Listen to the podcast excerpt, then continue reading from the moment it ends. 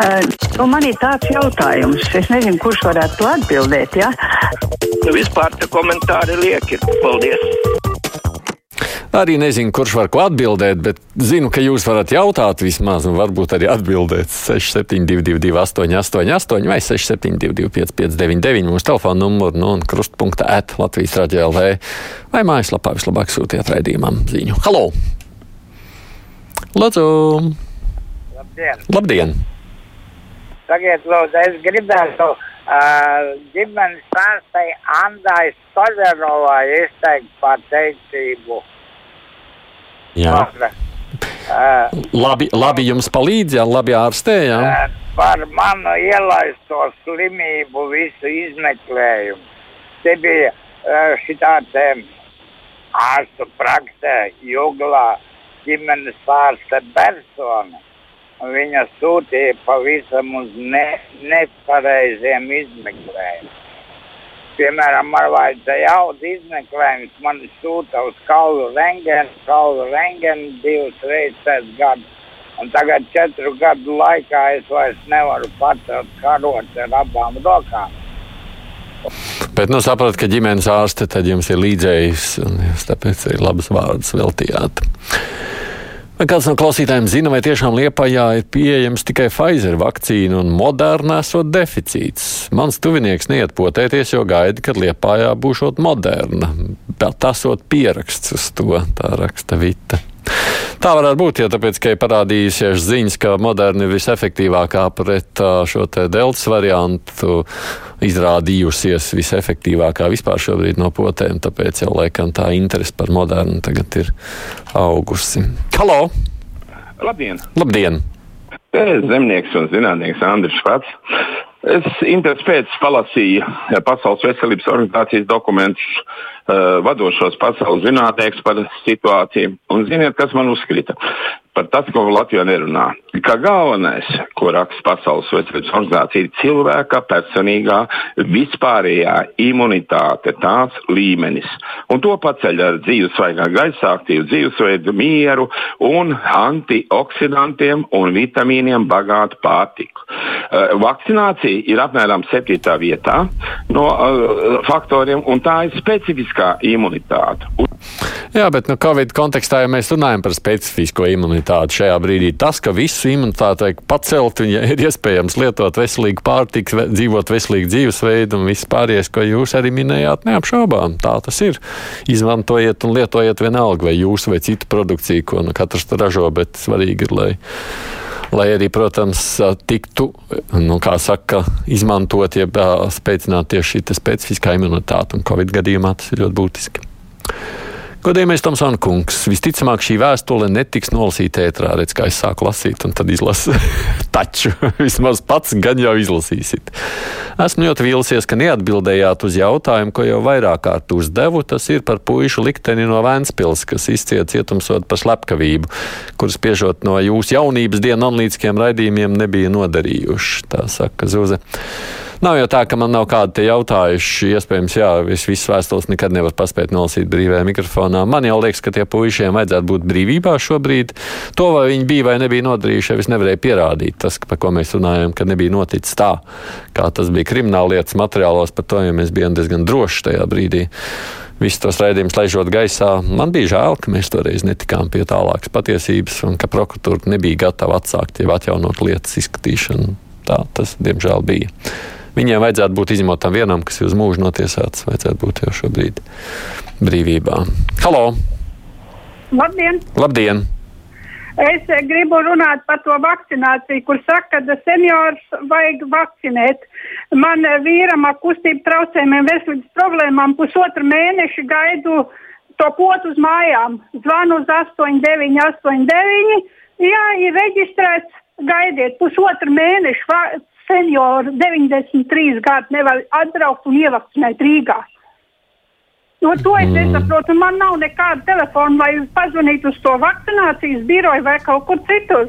Es vienkārši nezinu, ko lai dara, kad nevar Rīgā ievakcinēt cilvēku. Varbūt kāds var palīdzēt šobrīd ar kādu informāciju vairāk, bet paldies, ka, ka devāt ziņu. Man kolēģis skatos paķēra rakstāmo, lai pierakstītu jūs teikto. Aivaram no Daugopils būtu pēdējais laiks vakcinēties, jo ar lieko svaru ir riska grupa aktiviņās. Anna mums palīdzēt grib klausītājiem citiem. Halo! Labdien! Labdien! Man ir tāds draudzīgais aicinājums restorānu īpašniekiem, lai viņiem vieglāk būtu pārciest šos grūtos laikus, aprīkot uh, oficiantus uh, ar nedaudz labākām smadzenēm, jo saprotiet, uh, pavisam nesen, dažas dienas atpakaļ, um, neizdevās pierādīt savu personību Covid certifikāta, uh, vakcinācijas certifikāta sakarā uh, ar autovadītāju apliecību. Nu, lūk, paliku nēdis. Nu, redziet, ceļu policistam pietiek, lai es pierādītu savu personību ar šo dokumentu, bet tā teikt, lai es tiktu pie pankūkām, ar to ir pamaz. Nu, iesaku padomāt vēlreiz. Paldies!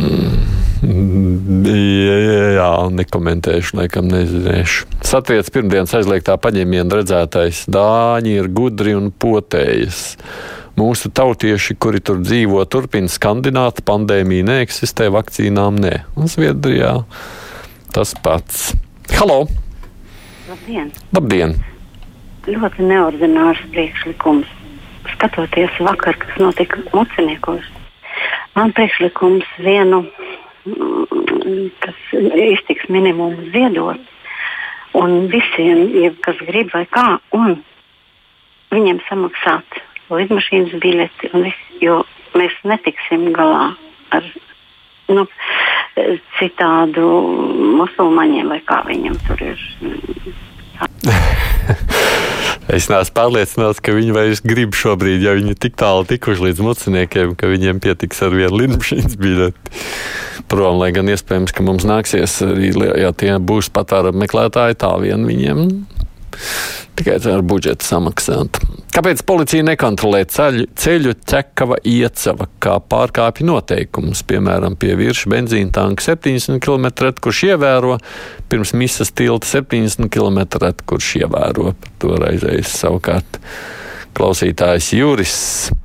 Kāds nāks, ka svētdien katrs trešais bija vakcinēts slimnieks no 236 ap 80 cilvēku. Ja vakcinēti tikai 40%, tad tas ir ļoti daudz. Vidējais rādītājs ar vakcinētajiem ir augsts ikdienā. Katrs ceturtais vakcinēts, kur taču nesūta uz PCR testiem.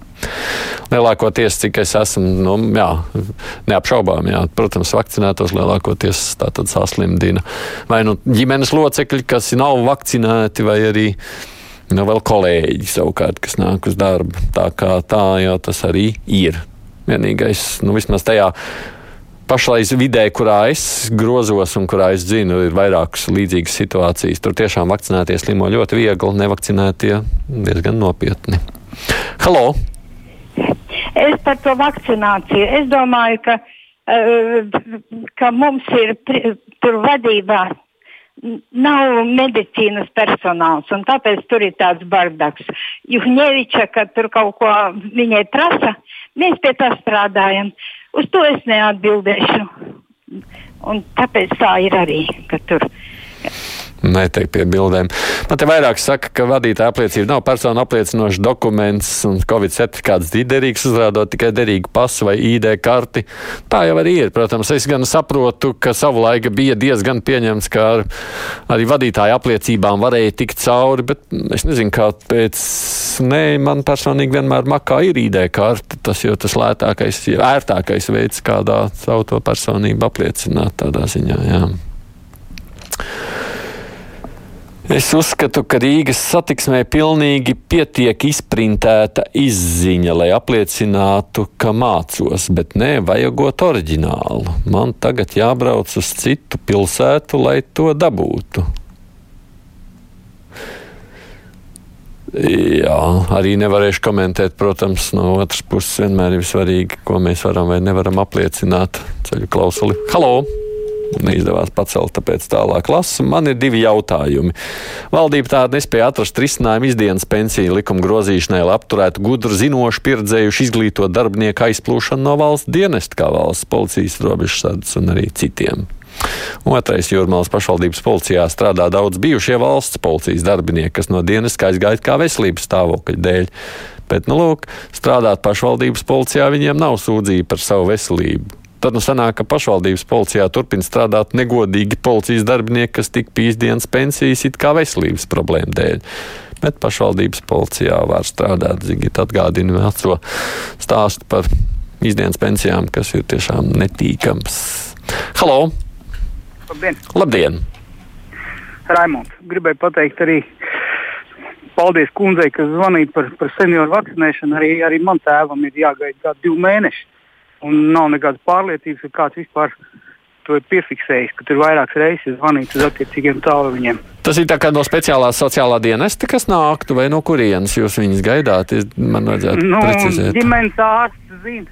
Visi zina, kam ir jāzina. Bet, rezultāti. tā kā, bet ģimenes ārsts taču dodas vizītē. Viņi nevar atnākt vakcinēt. Acīm redzot, nevar. Jo mm, man nav īsti skaidra tā problemātikas būtība. Ja ir runa par ģimenes ārstiem, kas vakcinē, nu, kur ir tā grūtība? Var jau būt, ka nevar ar vakcīnu staigāt apkārt. Es nezinu. Tāpēc es prasu, iespējams, ka šim tematam ir jāpievērš lielāka uzmanība. Vai ir ierosināts krimināllietas par nelikumīgām robežu šķērsošanām? Tā interesējas Kārlis, sakot, ka arī uz šādu jautājumu viņam gribētos atrast atbildi. Halo! Labdien! Labdien! Man interesē tāds jautājums par to vakcinēšanu. Ja? Es saku, ka ir tik daudz, tik daudz saslimušo, tā nu, nu, nesaka tā vietā, bet tik daudz saslimušo, tik daudz mirušo. Kāpēc nesaka konkrēti, kurā ciematā ir mirušie? Un, nu, nu, teiksim, nu, Rīgā grūtāk pateikt, kurā tur vai ne, bet arī tur. Jo mēs viens otru pazīstam, zinām, un tad nevar izstāstīt pasakiņus. Kas jums tur fonā dzied? Man vairāk interesē nekā jūs tas jautājums. Cits telefons. Cits telefons izklausījās pēc skaista putniņa. Nu, labi, lai tā arī būtu ar citiem telefoniem. Tā, kas te vēl ģimenes ārstiem būtu savu klientu grafiks pārbaudēm un izmeklēšanai par to ziņot klientiem, jūs arī raksta. Nu, es pieļauju, ka ir dažādas situācijas vietās, kur ģimenes ārsts nevakcinē, nekā tajās vietās, kur viņi vakcinē, bet var jau būt, ka es arī alojos.